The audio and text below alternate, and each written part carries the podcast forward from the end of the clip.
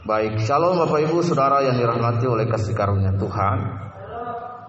Mari sama-sama kita melakukan pembacaan kita hari ini dari Kolose pasal yang ketiga ayat yang ke-23 Sebab Kolose pasal 3 ayat 23 Apa pun juga yang kamu perbuat, perbuatlah dengan segenap hatimu seperti untuk Tuhan dan bukan untuk manusia. Bapak Ibu Saudara yang dirahmati oleh kasih karunia Tuhan, Shalom. Mari kita akan belajar beberapa hal dari Kolose pasal 3 ayat 23 dan beberapa bagian lain dari ayat Alkitab yang kita akan ekstrak kebenarannya di hari ini. Bapak Ibu, Kolose ini memberikan kita pengertian. Yang pertama, apa pun juga yang kamu perbuat, perbuatlah dengan segenap hatimu seperti Tuhan dan bukan untuk manusia. Berarti apa pun yang kita kerjakan dengan apa yang ada pada kita, dengan seluruh talenta, seluruh dimensi kehidupan kita, memuliakan Tuhan, Bapak Ibu yang dirahmati oleh kasih karunia. Jadi all the things that we have can do for God, lakukan itu bagi Tuhan. Jadi tidak terbatas. Artinya kalau orang punya pengertian, selama ini kan kita punya pengertian Nah pengertian itu harus dibangun berdasarkan Alkitab itu sendiri Bukan berdasarkan penafsiran kita, penalaran kita, pengetahuan kita yang terbatas. Bapak Ibu Jadi kalau berbicara tentang melayani Tuhan Seringkali yang pertama orang berpikir dulu Bahwa kalau melayani Tuhan itu di gereja. Melayani Tuhan tidak harus di gereja Katakan amin dulu dengan semua potensi, dengan semua kapasitas, talenta yang Allah berikan ini, maka Kolose pasal 3 ayat 23 ini memberikan pemaknaan yang baru bagi kita. Bahwa kita pun dapat melayani Tuhan dengan apa yang ada segenap hidup. Seluruh potensi yang Allah tanamkan dalam kita. Kalau engkau bekerja sebagai guru, melayanilah sebagai guru yang terbaik, the best teacher. Kalau engkau hari ini menjadi murid, belajarlah untuk menjadi murid yang pandai, yang pintar. Kalau engkau sebagai karyawan, melayanilah, bekerjalah kepada bosmu, tuanmu, sebagai karyawan yang excellent, sebagai karyawan yang terbaik. Nah ini yang Tuhan mau. Kalau engkau bekerja pada pemerintah, bekerjalah sebagai PNS yang terbaik. PNS yang taat kepada aturan jam kantor dan lain sebagainya. Karena perhatikan pernyataan ini dengan baik Bapak Ibu, Tuhan tidak membedakan antara yang rohani dan tidak rohani. Yang membuat perbedaan di antaranya adalah kekudusan. Ingat baik. Jadi jangan pernah kita berpikir kalau kita melayani Tuhan itu saya harus melayani OHP, melayani LCD, melayani pemain musik, melayani uh, di gereja, majelis, pemimpin pujian, singer, pemain musik dan lain sebagainya. Nah, melayani kalau kita berpikir bahwa melayani itu di gereja maka terbatas, Bapak Ibu.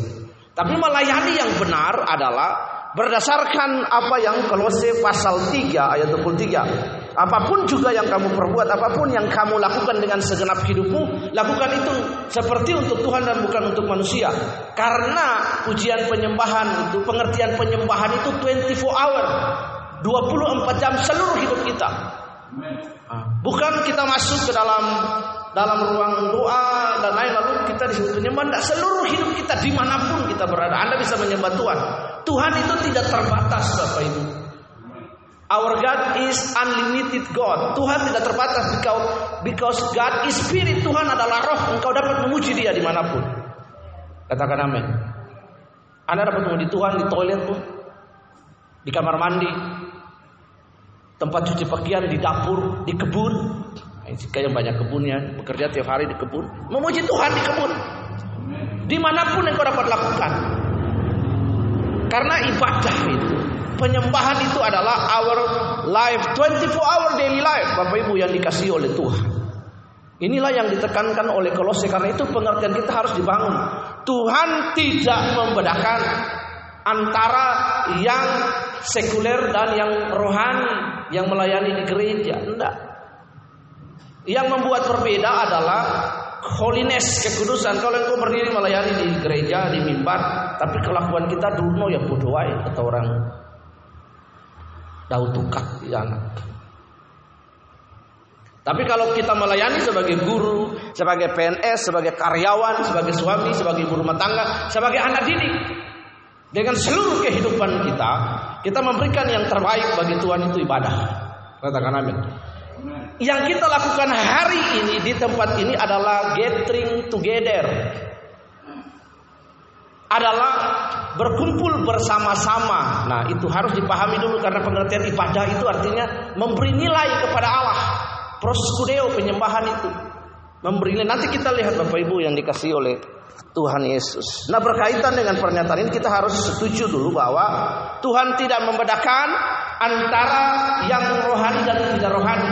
Yang membuatnya berbeda adalah kekudusan itu sendiri karena itu orang Kristen pada bagian lain Yesus berkata hendaklah engkau sempurna seperti Bapa di surga engkau kudus karena natur Allah itu kudus. Amin. Natur Allah itu kudus Bapak Ibu. Sehingga kita dituntut untuk seperti dia dalam pengertian mengerjakan kekudusan dalam hidup kita. Bapak Ibu Saudara yang dirahmati oleh Tuhan, melayani pekerjaan Tuhan adalah motif dari semua orang Kristen dalam semua kegiatan mereka. Ingat baik, melayani pekerjaan Tuhan adalah motif melayani pekerjaan Tuhan dan melayani Tuhan itu dua hal yang berbeda. Two things different. Melayani Tuhan harus menjadi motif dari semua orang Kristen dalam semua kegiatan. Itu menjadi motif kita. Dapat Ibu perhatikan contoh Marta dan Maria. Ini adalah contoh yang baik bagi kita bagaimana melayani Tuhan dan melayani pekerjaan Tuhan. Marta melayani pekerjaan Tuhan. Tapi perilaku yang ditunjukkan oleh Marta dalam kisah kunjungan Tuhan Yesus itu sama dengan kisah dalam Wahyu pasal yang kedua. Bapak Ibu perhatikan. Mereka melayani pekerjaan Tuhan, but they didn't heart to God. Mereka tidak punya hati untuk Tuhan. Marta hanya melihat Tuhan Yesus sebagai tamu yang datang dan hadir dalam rumah dalam hidupnya. Hanya singgah saja Yesus sebagai tamu. Tetapi Maria melihat kunjungan Tuhan Yesus itu dengan begitu berbeda. But Mary was sitting on the feet of Christ and keep to hear what Jesus tell to her. Ya, Maria duduk terus di kaki Tuhan dan mendengarkan apa? Karena cara pandang yang berbeda. Maria melayani Tuhan dengan duduk dan mendengarkan perkataan-perkataan firman. Karena Bapak Ibu firman itu adalah pribadi Allah sendiri katakan amin. Firman itu adalah pribadi Allah. Alkitab adalah segala tulisan yang diilhamkan Allah untuk mendidik, mengajar kita dalam kebenaran, menceritakan tentang pribadi Allah. But the true word of God itu adalah the personality of Christ. Adalah pribadi Yesus sendiri Bapak Ibu. Karena itu Maria begitu penting menganggap kehadiran Tuhan Yesus dalam hidupnya. Dia datang. Apakah Marta salah? Tidak, Marta tidak salah. Harusnya pada bagian lain Marta memahami bahwa asal makanan itu cukup. Ya kue kah atau apakah begitu. Sudah cukup. Karena pribadi Yesus yang hadir itu lebih penting. Message yang dia bawa itu lebih penting kehadirannya pribadinya pesan yang dia bawa itu penting karena Yohanes pasal 3 Yohanes pasal 8 ayat 4 ayat 32 Yohanes 8 ayat 32 berkata jika kamu mengenal kebenaran maka kamu akan dimerdek merdekakan kata merdeka itu artinya set captive from the dominion of satans dimerdekakan dilepaskan Bapak Ibu yang dikasih oleh Tuhan Yesus kita harus perhatikan ini baik-baik Yesus berkata, "Aku adalah jalan, kebenaran dan hidup." Bagi kekristenan kebenaran tunggal, kebenaran mutlak itu adalah the personality of Christ.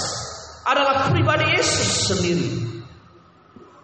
Marta mencoba untuk menyenangkan Tuhan dengan sebuah hal yang karena itu bagi saya, Bapak perhatikan baik. Kalau nanti kita ibadah, ibadah-ibadah rumah tangga dan lain sebagainya, kita persiapan, jangan berfokus pada kue dan aqua. Yang penting kita hadir, kita memuji, kita menyembah, katakan amin. Kue, aqua dan lain itu hanya bagian dari seremonial saja. Sebagai sebuah etika lah kalau tamu datang kan dia disuguhin air dan teh. Tapi Bapak Ibu perhatikan pertemuan di ibadah Kristen. Kalau kita hadir jangan pikirkan tentang kue, tentang teh, tentang aqua. Tapi persiapkan hati kita. Karena di mana dua tiga orang berkumpul di situ Tuhan hadir katakan amin ibadah pertemuan yang paling hebat adalah pertemuan Kristen ibadah Kristen Anda bertemu dengan Bapak Presiden yang mulia Presiden baik itu semua harapan semua manusia, harapan semua rakyat Indonesia, siapa pun pribadi di bangsa ini yang akan bertemu, itu baik. Itu sebuah kebanggaan sosial. Tidak salah itu. Bertemu dengan Ratu Inggris atau pemerintahan negara lain, wow luar biasa. Apalagi Presiden Amerika sebagai the world police Oke saja siapa pun dia. Tapi Bapak Ibu perhatikan dengan baik. Satu-satunya pertemuan di dunia ini adalah ibadah Kristen. Di mana Tuhan Allah hadir berjumpa sang pencipta itu rela dan datang hadir untuk bertemu dengan penciptanya. Dalam keterbatasan kita kita harus bersyukur untuk hal itu Bapak Ibu. Sang mulia, sang yang kudus itu datang dan hadir memanifestasikan dirinya dalam ibadah persekutuan. Itulah sebabnya Alkitab berkata jangan menjauhkan diri dari persekutuan-persekutuan yang dikerjakan oleh beberapa orang katakan amin. Alkitab berkata latihan badani itu terbatas, tapi ibadah itu mengandung janji untuk hari ini dan akan datang katakan amin. Nah, ini yang penting yang harus kita pahami. Marta mencoba untuk menyenangkan Tuhan karena itu bagi saya kalau ibadah tidak ada kue kita tidak pusing kalau nggak ada kue kita nggak enak jangan berpikir seperti itu. Nanti kalau kita ibadah saya nggak taruh kue nggak enak. Ibadah itu adalah orang mencari Tuhan bukan cari kue, bukan cari makanan katakan amin. Jadi kalau nggak ada kue nggak ada aqua santai saja. Yang penting ibadah itu ada.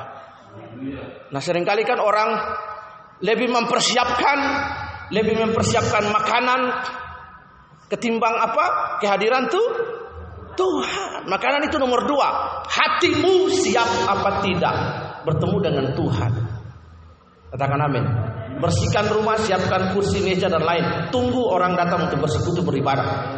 Jangan pagi-pagi kita sudah pikir, oh sebentar ibadah, masak apa ya? Apalagi ibu-ibu, oh ayam santan misalnya kare dengan lontong aduh apa? Ibu-ibu supikir enggak.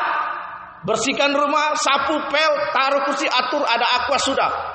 Kalau ada singkong, rebus, makan. Iya. Karena ibadahnya bukan cari kue, katakan amin. Iya. Kerajaan Allah bukan soal makan, roti dan makanan dan lain sebagainya. Kerajaan Allah itu soal damai se sejahtera. Masa saya dari sini pergi ibadah ke Bilupo hanya untuk cari kue? Enggak kan? Cari Tuhan dan bersekutu di sana dengan Pak Nerden. Katakan amin. Iya, masa saya pergi ke klien menega ini untuk hanya cari kue? Di depan kan ada kue banyak. Saya beli saja toh. Nah, tapi cari persekutuan di situ, katakan amin. Bersekutulah di situ. Nah, ini yang berbeda. Tuhan tidak memeraih Marta, tapi ada hal yang penting, ada hal penting, ada yang lebih penting lagi. Nah, itu yang lebih penting adalah duduk di kaki Tuhan. Orang jemaat di Efesus dalam Wahyu pasal 2 mereka mengasihi Tuhan pelayanan seperti begitu, tapi tidak punya hati untuk Tuhan, hanya sekedar melayani saja. Semua yang kita lakukan harus bermuara pada menyenangkan hati Tuhan, katakan amin. Supaya Tuhan disenangkan lewat sikap kita, pelayanan kita. Bapak Ibu, itulah yang dilakukan oleh Maria. Duduk di kaki Tuhan. Bapak Ibu, yang kedua itu tentang melayani Tuhan. Contoh melayani Tuhan dan melayani pekerjaan Tuhan itu berbeda. Yang tadi sudah ditunjukkan dalam Lukas pasal 10 Maria tadi Maria melayani Tuhan, Marta melayani pekerjaan Tuhan. Apakah melayani pekerjaan Tuhan itu tidak penting? Melayani pekerjaan Tuhan itu penting. Kalau tidak ada orang pel gereja, tidak ada orang atur kursi, atur ruang ibadah, ibadah itu juga tidak jalan. Penting, tapi jauh lebih pentingnya adalah mengerjakan itu dengan attitude, dengan sikap yang benar. Bahwa saya lakukan ini bukan untuk Pak Roy atau untuk siapa, untuk dilihat siapa, tapi lakukan untuk tuh, Tuhan. Karena yang nanti kasih upah Tuhan.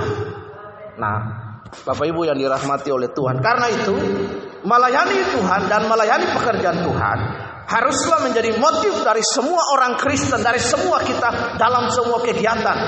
Orang percaya harus menjadi saksi hidup sehari-hari dari kuasa penebusan Allah lewat pekerjaan dan lewat pelayanan.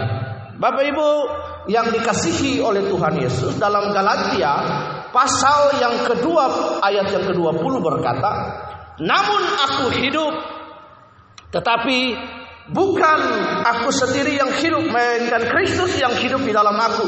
Dan hidupku yang kuhidupi sekarang dalam daging adalah hidup oleh iman dalam anak Allah yang telah mengasihi aku dan menyerahkan nyawanya untuk aku. Jadi Bapak Ibu, segenap hidup kita yang telah ditebus, hidup kita yang telah dimerdekakan, Kristus yang hidup dalam aku. Paulus berkata, Paulus kan Bapak Ibu lihat sebelum dia berjumpa dengan Tuhan Yesus dia itu pembunuh loh. Karena itu teroris pertama di dunia, teroris pertama di dunia adalah Saulus. Dia membunuh orang Kristen, dia meneror orang Kristen sampai akhirnya dia berjumpa dengan Tuhan Yesus di pintu gerbang Damsik. Setelah dia berjumpa hidupnya yang dulu pembunuh menjadi pembunuh, penganiaya, setelah berjumpa dengan Yesus hidupnya berubah. Lalu dia berkata bahwa hidupku bukannya aku sendiri yang hidup, melainkan Kristus yang hidup dalam aku. Nah ini yang menjadi luar biasa. Karena itu Bapak Ibu, kalau Kristus yang hidup di dalam aku, maka semua yang aku lakukan, semua yang kita lakukan akan melakukan seperti untuk Tuhan, bukan untuk manu manusia. ada dua jenis ibadah.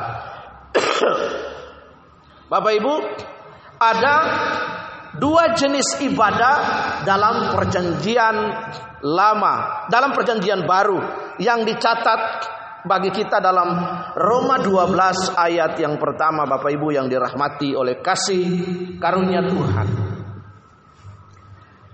Karena itu saudara-saudara demi kemurahan Allah, aku menasihatkan kamu supaya kamu mempersembahkan tubuhmu sebagai persembahan yang hidup. Ibadah ini sangat sulit sekali dijalani oleh orang Kristen.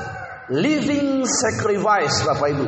Ini kata persembahan Bapak Ibu, persembahan dalam perjanjian lama itu diolah domba, sembelihan korban itu diolah, ditumpahkan darahnya, kemudian dikulitin dan diberikan bagian yang terbaik bagi Allah. Ada tata tata cara menurut keimamatan yang harus bagian-bagian yang terbaik yang diberikan kepada Allah lewat persembahan. Bapak Ibu, berbicara tentang sacrifice dalam perjanjian lama itu berbicara tentang pengorbanan darah tertumpah, hidup diberikan. Kita memberkati orang itu sampai harus rasa sakit. Bukan sakit karena kita uh, pelit memberi, enggak, tapi memberikan yang terbaik, the best things, bagian yang terbaik, the best portion. Karena itu Bapak Ibu, kalau kita sudah ditebus, Bapak Ibu perhatikan, mempersembahkan hidup yang berkenan kepada Allah itu adalah ibadah yang sejati. Setiap orang Kristen ini berjuang dengan hal ini setengah mati, Bapak Ibu. Mempersembahkan hidup kita Hidup ini ada dua. Yang pertama hidup yang disebut itu adalah soe. Kita hidup. Kita hidup dalam hidup kita sekarang tinggal di bumi tapi kita hidup ini hidup ada Allah dalam hidup kita. Hidup yang berdimensi ilahi. Sekalipun kita tinggal di bumi, kita main Facebook, kita punya maya dan lain sebagainya, tapi perhatikan baik. Hidupku bukannya aku lagi melainkan Kristus. Katakan amin. Orang Kristen boleh bermain Facebook? Boleh. Tapi jangan Facebook jadi berhala dalam hidupnya. Postinglah hal-hal yang membangun, hal-hal yang baik, yang menghibur, yang mengangkat orang lain, yang mengedukasi orang lain. Iya. Bapak Ibu lihat, kalau hari ini Tuhan Yesus punya Facebook, mungkin dia akan mencela kita juga karena Facebook kita memposting hal-hal yang tidak baik atau hal yang apa? Perhatikan dengan baik. Semua hal itu baik. Yang membuatnya tidak baik adalah kita menggunakannya untuk tujuan yang salah dalam hidup ini. Semua mempersembahkan hidup sebagai yang kudus yang berkenan kepada Allah as a living sacrifice. Hidup itu Hari ini kita sementara tinggal di dunia dengan segala sistemnya, tapi kita hidup untuk Allah. Ada Allah dalam hidup kita. Berbeda dengan soe, berbeda dengan bios. Bios itu orang makan, minum, kawin, lah anak, dia mati, ke anaknya kawin lagi seperti biasa. Tapi tidak ada Allah. Itulah sebabnya Hosea 4 ayat yang ke-6 berkata, My people is perished because they have the knowledge of God. Umatku binasa karena mereka tidak memiliki pengetahuan akan Allah. Bagaimana untuk memiliki pengetahuan akan Allah? Read your Bible, baca Alkitab katakan amin. Ini penting bagi kita. Jadi mempersembahkan hidup itu sebagai living sacrifice itu sangat sulit. Mematikan dosa keinginan daging dalam hidup kita sangat sulit. Mematikan percabulan dalam hidup kita sangat sulit. Bapak Ibu perhatikan dengan baik. Percabulan dengan persinahan itu aduh merusak sekali. Kalau persinahan orang cari lawan, laki-laki cari perempuan, dia pergi ke cari, perempuan di tempat pelacuran, peska atau apa dia cari di situ. Bisa. Tapi kalau orang cabul, dia, dia dari rumah, dari kamar saja, dia duduk pikirannya tuh melayang ke mana-mana. Nah, jadi kalau persinahan orang bisa tahu, nah, orang selingkuh kan ketahuan juga. Tapi kalau cabul, siapa tahu? Dia duduk di sini dan bisa saja dari dalam gedung gereja. Pikirannya itu ke mana-mana. Dalam pikiran. Karena itu medan. Karena itu kita harus mempersembahkan hidup kita supaya berkenan kepada Allah, Bapak Ibu. Mempersembahkan hidup. Hidup yang sudah ditebus berarti kita berhenti sekali untuk berbuat dosa. Ini penting. Karena itu cara kita melihat, memandang segala sesuatu dari perspektif kebenaran. Ibadah yang sejati itu menurut Roma 12 ayat 1 adalah living sacrifice. Jadi mem mematikan manusia daging dalam hidup kita itu adalah ibadah yang sejati. Bapak Ibu daging itu sebelum dia dipersembahkan kambing domba itu dibantai, dibunuh, darahnya ditumpahkan di kulit lalu dibakar menjadi bau harum. Hidup kita juga kedagingan kita hal-hal yang yang pelit dalam hidup ini harus dimatikan. Hal-hal yang lain dimatikan dalam hidup. Saya sering dapat video pendek-pendek dari teman-teman banyak yang kirim, sering dari Papua. Kalau hal yang tidak baik, yang saya rasa itu tidak baik, ya saya hapus. Saya bilang saya tidak mau yang begitu, kirim yang lucu-lucu aja. Nah, dikirim ke saya yang lucu-lucu. Yang penting untuk menghibur orang tertawa. Tapi kalau sudah cabul-cabul yang enggak. Saya bilang ke mereka, habit kita ya hamba Tuhan. Kalau yang kirim sekedar lucu untuk kita tertawa, boleh. Amin. Iya. Kamu ikut siapa? Saya ikut mama. Rente. Saya juga saya ikut mama. Oh iya sudah. Lalu papa? Papa ikut mama juga. Nah, itu guyon. Guyon yang dikirim dari Papua buat saya. Saya tertawa lucu sekali. Nah, itu bagus untuk menghibur. Tapi kalau guyon yang lain saya tidak mau. Bapak Ibu perhatikan. Ini yang Tuhan mau mempersembahkan hidup kita. Itu adalah ibadah yang sejati. Jadi ibadah yang sejati yang pertama, ibadah yang sejati yang pertama, give your life to God. Amin. As an offerings to God. Karena your life is belonging to God. Persembahkan hidupmu kepada Allah karena hidup kita itu milik Allah, not your own. When you and me confess Jesus Christ as a Lord, Jesus Christ redeem us from the power of sin. Take us from sin. Perhatikan dengan baik. At the same time, your life is not your own. Pada saat yang sama hidupmu bukannya milik kamu lagi katakan amin. Kita manusia ini kan terikat tergadai kepada kuasa dosa. Tetapi ketika Yesus membeli kita, Yesus membayar kita lunas. Hidup itu milik siapa? Milik Tuhan. Our life belongs to God.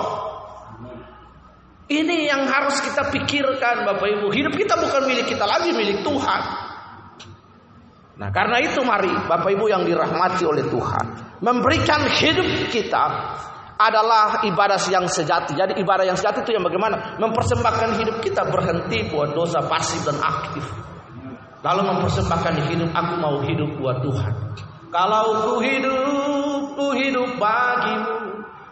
Hatiku tetap tetap menyembahmu Dunia tak bisa menjauhkanku dari kasihmu Ah ini kita harus tahu Ketika kita dibayar oleh karena begitu besar kasih Allah akan dunia ini sehingga dia mengerjakan anak yang tunggal sehingga setiap orang yang percaya kepadanya tidak binasa, not perish, but have an eternal life. Tapi punya hidup yang kekal. Jadi Bapak Ibu harus ingat, anak-anak harus ingat, pemuda remaja harus ingat. Since Jesus Christ redeemed you from the power of sin, your life is not your own but belongs to Jesus. Karena itu dengan mempersembahkan hidup kepada Allah itu adalah ibadah yang sejati. Hanya ada dua jenis ibadah. Yang pertama sebagai sacramental to God, ibadah kepada Allah itu adalah mempersembahkan hidup kita kepada Allah. Hidup ini seluruh hidup kita kita persembahkan kepada Allah sebagai persembahan. Yang hidup itu adalah ibadah yang se sejati. Itu ibadah yang sejati. Dimulai dari diri kita. Jadi ibadah itu dimulai dari diri kita. Mempersembahkan hidupku, diriku, hatiku, pikiranku, perasaanku. Semuanya kepada Allah. Kalau boleh juga hartaku kepada Allah. Katakan amin. Iya, ini kita mau memberi kepada Allah saya kita mikir-mikir, ya kan seperti anak muda. Kalau saya beri semua apa? Tuhan berkata jual segala hartamu dan ikut aku. Dia berpikir karena hartanya banyak. Bapak Ibu yang dirahmati oleh Tuhan, mempersembahkan hidup kepada Allah. Itu adalah ibadah yang sejati. Dosa itu terjadi di dalam diri kita. Kuasa dosa itu telah dipatahkan Bapak Ibu. By redeeming of Jesus Christ. Karena itu karena kuasa dosa telah dipatahkan dan kita telah dibeli dan hidup kita bukan kita lagi. Kita berjuang dengan hidup ini. Katakan amin. Kita berjuang untuk mematikan perbuatan-perbuatan daging dalam hidup kita. Berhenti untuk berbuat dosa. Bapak Ibu anak-anak muda dengar baik. HP-mu, Instagram-mu, Facebook, Facebook-mu dan lain sebagainya. Perhatikan dengan baik dari mimbar ini saya mau berkata. Apalagi TikTok, Bukan berarti saya jadi orang yang munafik enggak. Saya punya Facebook tapi saya menggunakan Facebook saya, semua Instagram saya untuk kemuliaan Tuhan. Katakan amin. Anda semua bisa lihat Facebook saya. Bapak Ibu Saudara yang dirahmati oleh kasih karunia Tuhan. Kalau Anda terlibat dengan narkolema, narkotika lewat mata, hal yang pornografi itu merusak otak Anda. Anda tidak akan bermanfaat bagi kerajaan Allah demi Tuhan. Bapak Ibu perhatikan dengan baik. Anda tidak akan bermanfaat bagi kerajaan Allah. Perhatikan dengan itu. Karena itu yang kudus dan yang berkenan kepada Allah itu adalah ibadah yang sejati. Mari sama-sama kita berjuang untuk mengerjakan ibadah yang sejati. Dan ibadah yang sejati adalah diri kita dengan Allah. Persembahkan hidup. Aku mau mempersembahkan hidupku. Banyak. Nanti kita lihat di sini ada caranya. Yang kedua, ibadah yang murni dan yang tak bercacat di hadapan Allah Bapa ialah mengunjungi yatim piatu dan janda-janda dalam kesusahan mereka dan menjaga supaya dirinya sendiri tidak terdicemarkan oleh dunia. Tadi ibadah yang sekarang sekarang ibadah yang murni. Ibadah yang murni mengunjungi janda-janda, yatim piatu dalam kesusahan mereka itu murni. Mengapa dikatakan murni? Karena ketika Anda melakukan kunjungan sosial ke panti asuhan, panti jompo, mereka tidak pernah bisa membalas Anda, katakan amin. Itu murni. Anda mau dapat apa? Hari ini orang disuruh melayani pekerjaan yang kebanyakan memberi kepada orang lain. Hari ini orang berpikir kalau saya melayani, saya dapat apa? Ada istilah ROI, return of investment. Saya dapat apa kalau saya melayani? Tuhan yang membalas bagi kita. Katakan amin. Itu Yohanes kecelakaan kemarin. Saya harus keluarin uang, motor dua-dua saya tanggung, keluarin motor juga tanggung, harga rumah sakit juga. I have no money, tapi apakah saya ada bersungut-sungut? Tanya si e, Omerik. Ada ngomel juga? Enggak ada. Saya ada minta uang ke dia? Enggak. Saya cuma bilang, Tuhan ini jadi pelajaran buat dia. Tapi Tuhan, saya percaya Tuhan akan cukupkan. Katakan amin. Dan memang Tuhan cukupkan. Dikirim tepat untuk bayar motor. Bapak Ibu kita memperhatikan ini dengan baik. Tuhan mencukupkan kebutuhan kita. Ada saja berbagai macam caranya lah. Dengan apa yang tidak kita pikir kita dengarkan. Katakan amin. Nah, Bapak Ibu lihat, jadi kalau orang melayani ibadah-ibadah ya dalam pelayanan-pelayanan sosial, mereka berpikir saya dapat apa? Kita melayani anak yatim, anak yatim bisa memberi kita sesuatu. Nah, hari ini orang berpikir kalau saya melayani saya berbuat sesuatu. Ada timbal balik jangan. Ibadah yang murni itu adalah ketika Anda mengunjungi yatim piatu dan menolong mereka dalam kesusahan mereka. Mereka tidak bisa balas, mereka cuma bisa angkat Bapak Tuhan memberkati, Tuhan Yesus yang balas. Kalimat itu lebih hebat daripada orang kasih, kasih sesuatu ke kita. Katakan amin. Kalau Anda mengunjungi para janda, orang yang susah, orang yang miskin, anak yatim piatu terlantar, lalu Anda memberkati mereka, mereka tidak dapat balas, tapi mereka hanya bisa berdoa dengan kepolosan mereka, dengan kesederhanaan mereka. Doa mereka itulah yang hebat di hadapan Allah bagi kita. Karena itu ibadah yang murni karena tidak punya kepentingan. Kita tidak punya kepentingan. Kepentingan apa kita di sana? Tidak ada. Melayani orang miskin dan janda susah, kita tidak boleh punya kepentingan. Lihat di sini supaya dan menjaga dirinya supaya tidak dicemarkan oleh dunia. Jadi ibadah ada dua, ibadah yang sejati tadi satu sama ibadah yang murni. Itu cuma dua hal itu yang disebut dalam kitab perjanjian baru. Tidak ada ibadah yang lain. Ibadah yang sejati persembahkan diri kita. Ibadah yang murni kunjungi janda-janda dan yatim piatu. Janda-janda dalam kesusahan mereka. Ah, ada janda yang benar-benar janda, yang susah. Ada sekarang juga banyak janda ganjen. Amin. Janda muda, mama muda. Ya kan. Iya, mama muda yang nan nan nan nan, tuing tuing nah itu kan. Iya yang di TikTok apa Toktik apa. Iya kan. Iya, yang goyang-goyangnya begini. Ah itu Bapak Ibu perhatikan janda yang benar-benar janda yang dalam kesusahan yang dia tidak punya siapa pun. Bapak Ibu katakan amin. Nah, tidak disebut duda juga karena bisa masih bisa. Ya, Bapak Ibu lihat. Mari kita lihat di sini ada enam cara yang Tuhan pakai sehingga perspektif kita luas tidak hanya berpikir bahwa oh kalau saya melayani Tuhan itu dalam gereja semua orang jadi pendeta itu gudang garam dalam gereja ini. Bapak Ibu meskipun jemaatnya sedikit dan sederhana, tapi kita belajar untuk menggarami orang lain. Buat apa banyak di dalam gedung gereja, tapi kita jadi satpam, kita harus jadi kopasus, katakan amin. Iya. Jangan tumpu jemaat banyak dalam gereja, kita jadi gudang garam, ya kan? Tuhan bilang garamilah dunia, kamu adalah garam, garam dunia, katakan amin. Iya, kalau terang semua orang sudah tahu lah. Kamu garam dunia. Lah kalau garam semua kumpul dalam sini darah tinggi semua. Darah, garam, iya kan? Garam itu kan mengasinkan satu garam saja dia bisa di satu lingkungan. Jadi berkat di situ kita semua garam kumpul sini. Waduh.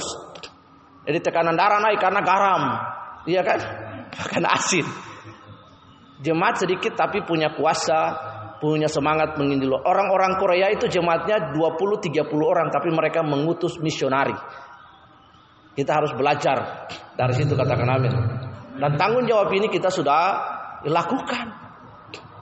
Kita support orang-orang yang benar-benar melayani dalam pelayanan Tuhan baik di Aceh maupun di tempat-tempat lain. Dan kita juga punya beban untuk beban misi untuk mensupport yayasan lembaga misi dengan setiap bulan kita belajar untuk menabur. Itu tanggung jawab. Karena kita tidak sampai di sana. Karena saya tidak sampai di sana, tidak bisa pergi ke sana karena terbatas ruang dan waktu. Uang saya bisa pergi untuk menolong mereka dan itu kita lakukan. Bapak Ibu yang dirahmati, ada enam hal. Yang pertama, enam cara yang Tuhan pakai. Yang pertama kontemplatif, ingin dekat dengan Allah, ingin hidup dikehendaki oleh Allah. Contohnya orang-orang Moravian, orang-orang Pietis, orang-orang Sisendorf. Jadi kontemplatif itu adalah ingin dekat dengan Allah. Ku ingin selalu bersekutu denganmu Menikmati hadiratmu Dia ingin dekat sekali dengan Allah dalam hidupnya Kontemplatif Makanya orang-orang yang dengan mudah, dengan gampang ketika pujian penyembahan Ketika nyanyi baru diangkat dia sudah air mata jatuh dia sudah nangis. Nah, itu orang-orang yang kontemplatif Bapak Ibu. Yang senang sekali, yang ingin dekat dengan Allah, yang ingin hidupnya dikehendaki oleh Allah. Karena Paulus berkata, hidupku bukannya aku lagi, melainkan Kristus yang hidup di dalam aku dan hidupku yang kukerjakan adalah karena Kristus katakan amin. Iya, hidupku bukannya aku lagi, melainkan Kristus yang hidup di dalam aku. Bapak Ibu perhatikan. Jadi yang pertama itu kontemplatif. Orang yang ingin dekat dengan Allah. Yang kedua, holiness ingin lain dari dunia. Bapak Ibu, Kristen itu anomali.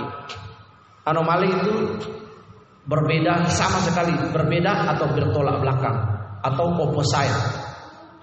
When the world say yes to sin, Christian says no to sin.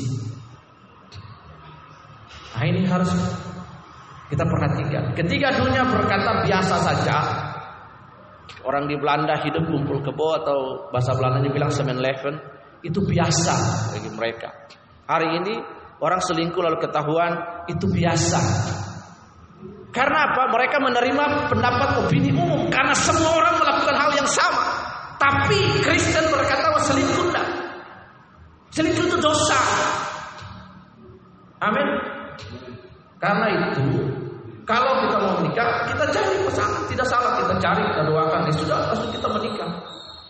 Itu jauh lebih bagus, lebih terhormat. Amin. Daripada kita lakukan hal yang bertentangan. Kalau membunuh bagi dunia itu dibenarkan juga. Bagi Kristen itu mengambil nyawa seseorang tanpa seizin yang punya nyawa. Bagi dunia, oh ini biasa. Bagi Kristen tidak biasa. Bagi orang dunia membenci orang itu sudah biasa. Bagi Kristen Alkitab berkata membenci dalam hati saja sudah do sudah dosa.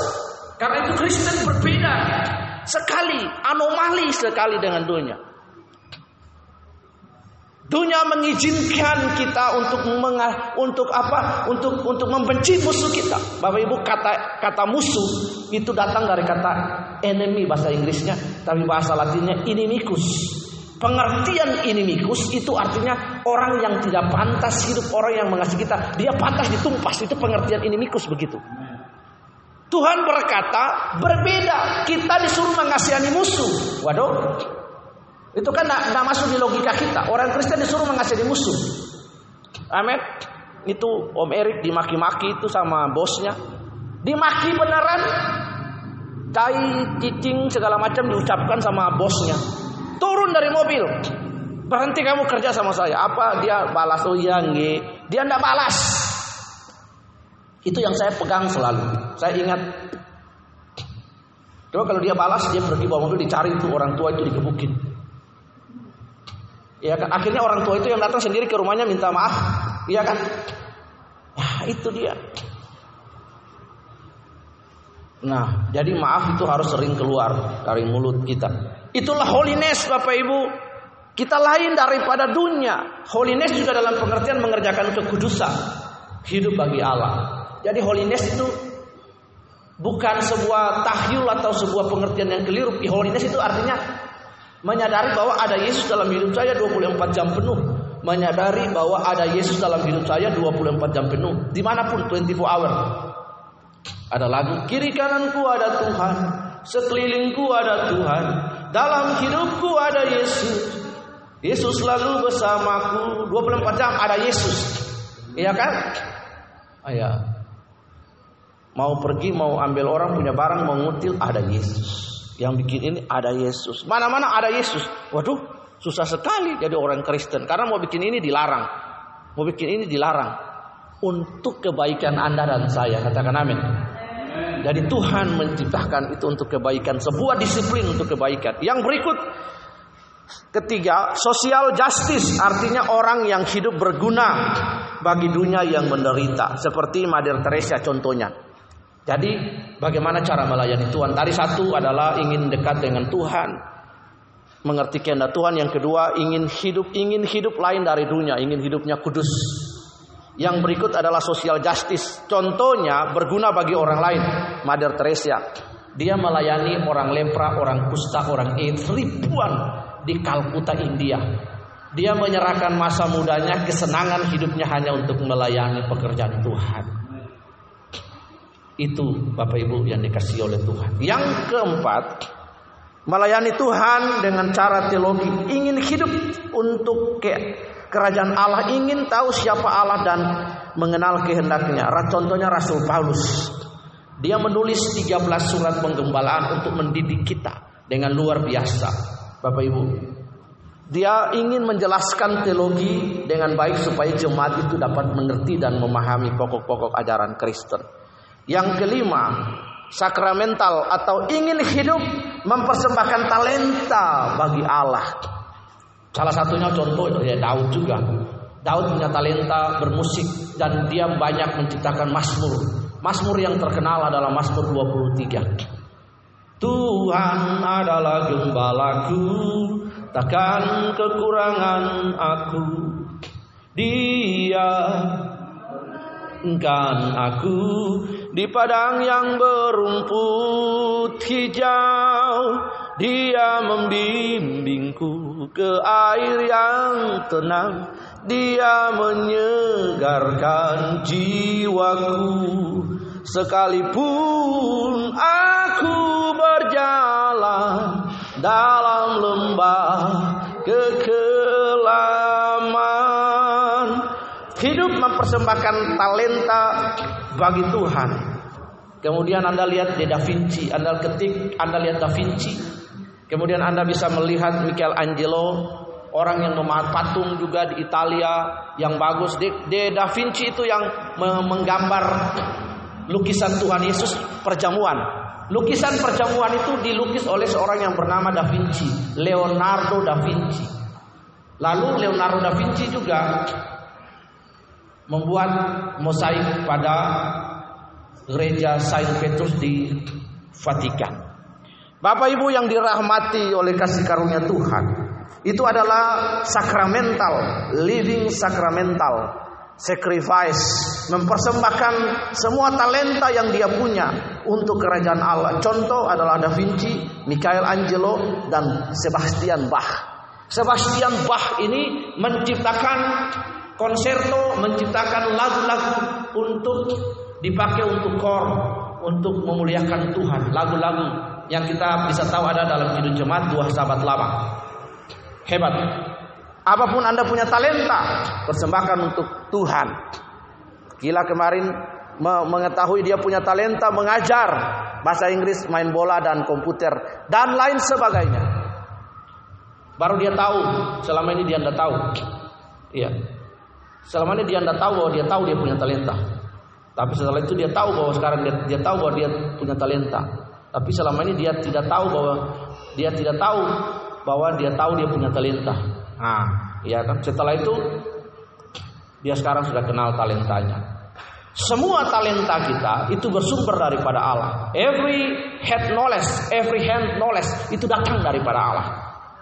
Karena itu kembalikanlah talenta kepada Allah. Bapak Ibu, saya sering kali melihat artis-artis Kristen di Indonesia, apalagi dari Maluku, itu mereka berasal dari keluarga penyanyinya di gereja. Orang tuanya penyanyi kor, pelatih kor di gereja.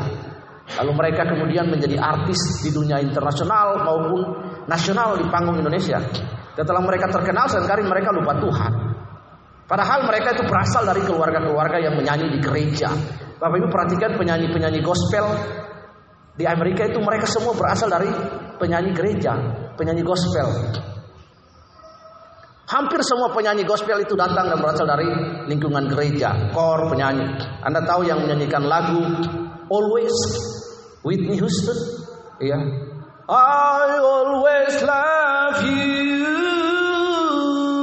Nah, itu, itu dari gereja, penyanyi gereja.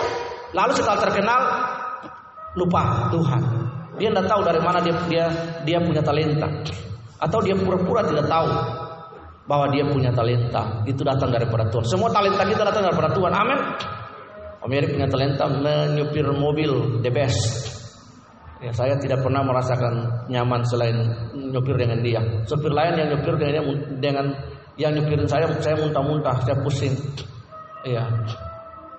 Kalau supir lain nyupir saya, maka saya kena penyakit kukupi.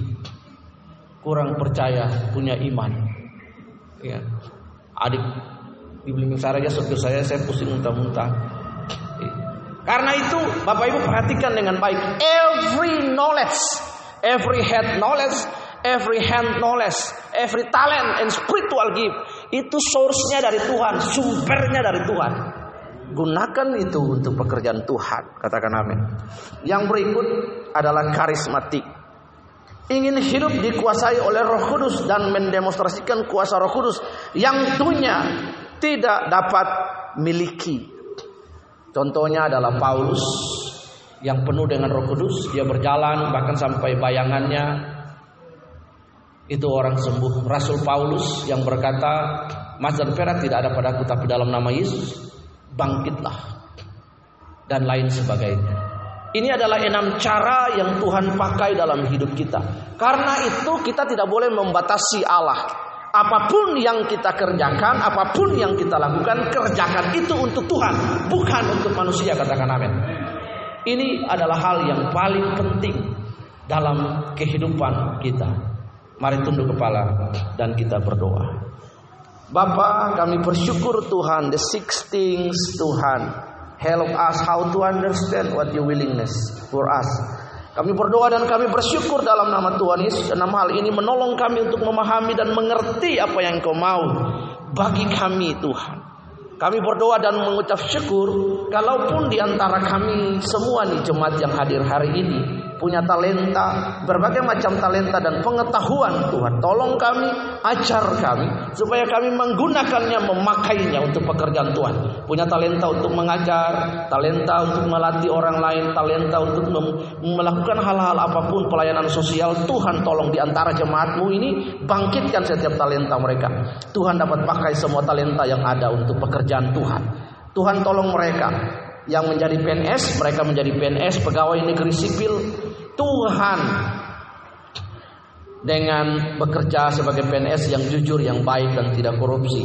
Yang bekerja sebagai karyawan, mereka melayani sebagai pekerjaan sebagai karyawan dengan baik dengan benar. Yang malah sekolah, yang mahasiswa, yang siswa SD, SMP, SMA, Tuhan tolong sebagai staf di tempat ini, sebagai jemaat, sebagai pelayan Tuhan berkati kami semua. Sehingga kami melayani dengan takut akan Allah, dengan pengertian yang benar bahwa semua yang kami lakukan itu bermuara kepada kesenangan hati Bapa, kesenangan hati Tuhan, bukan kepada yang kelihatan, tapi yang tidak kelihatan.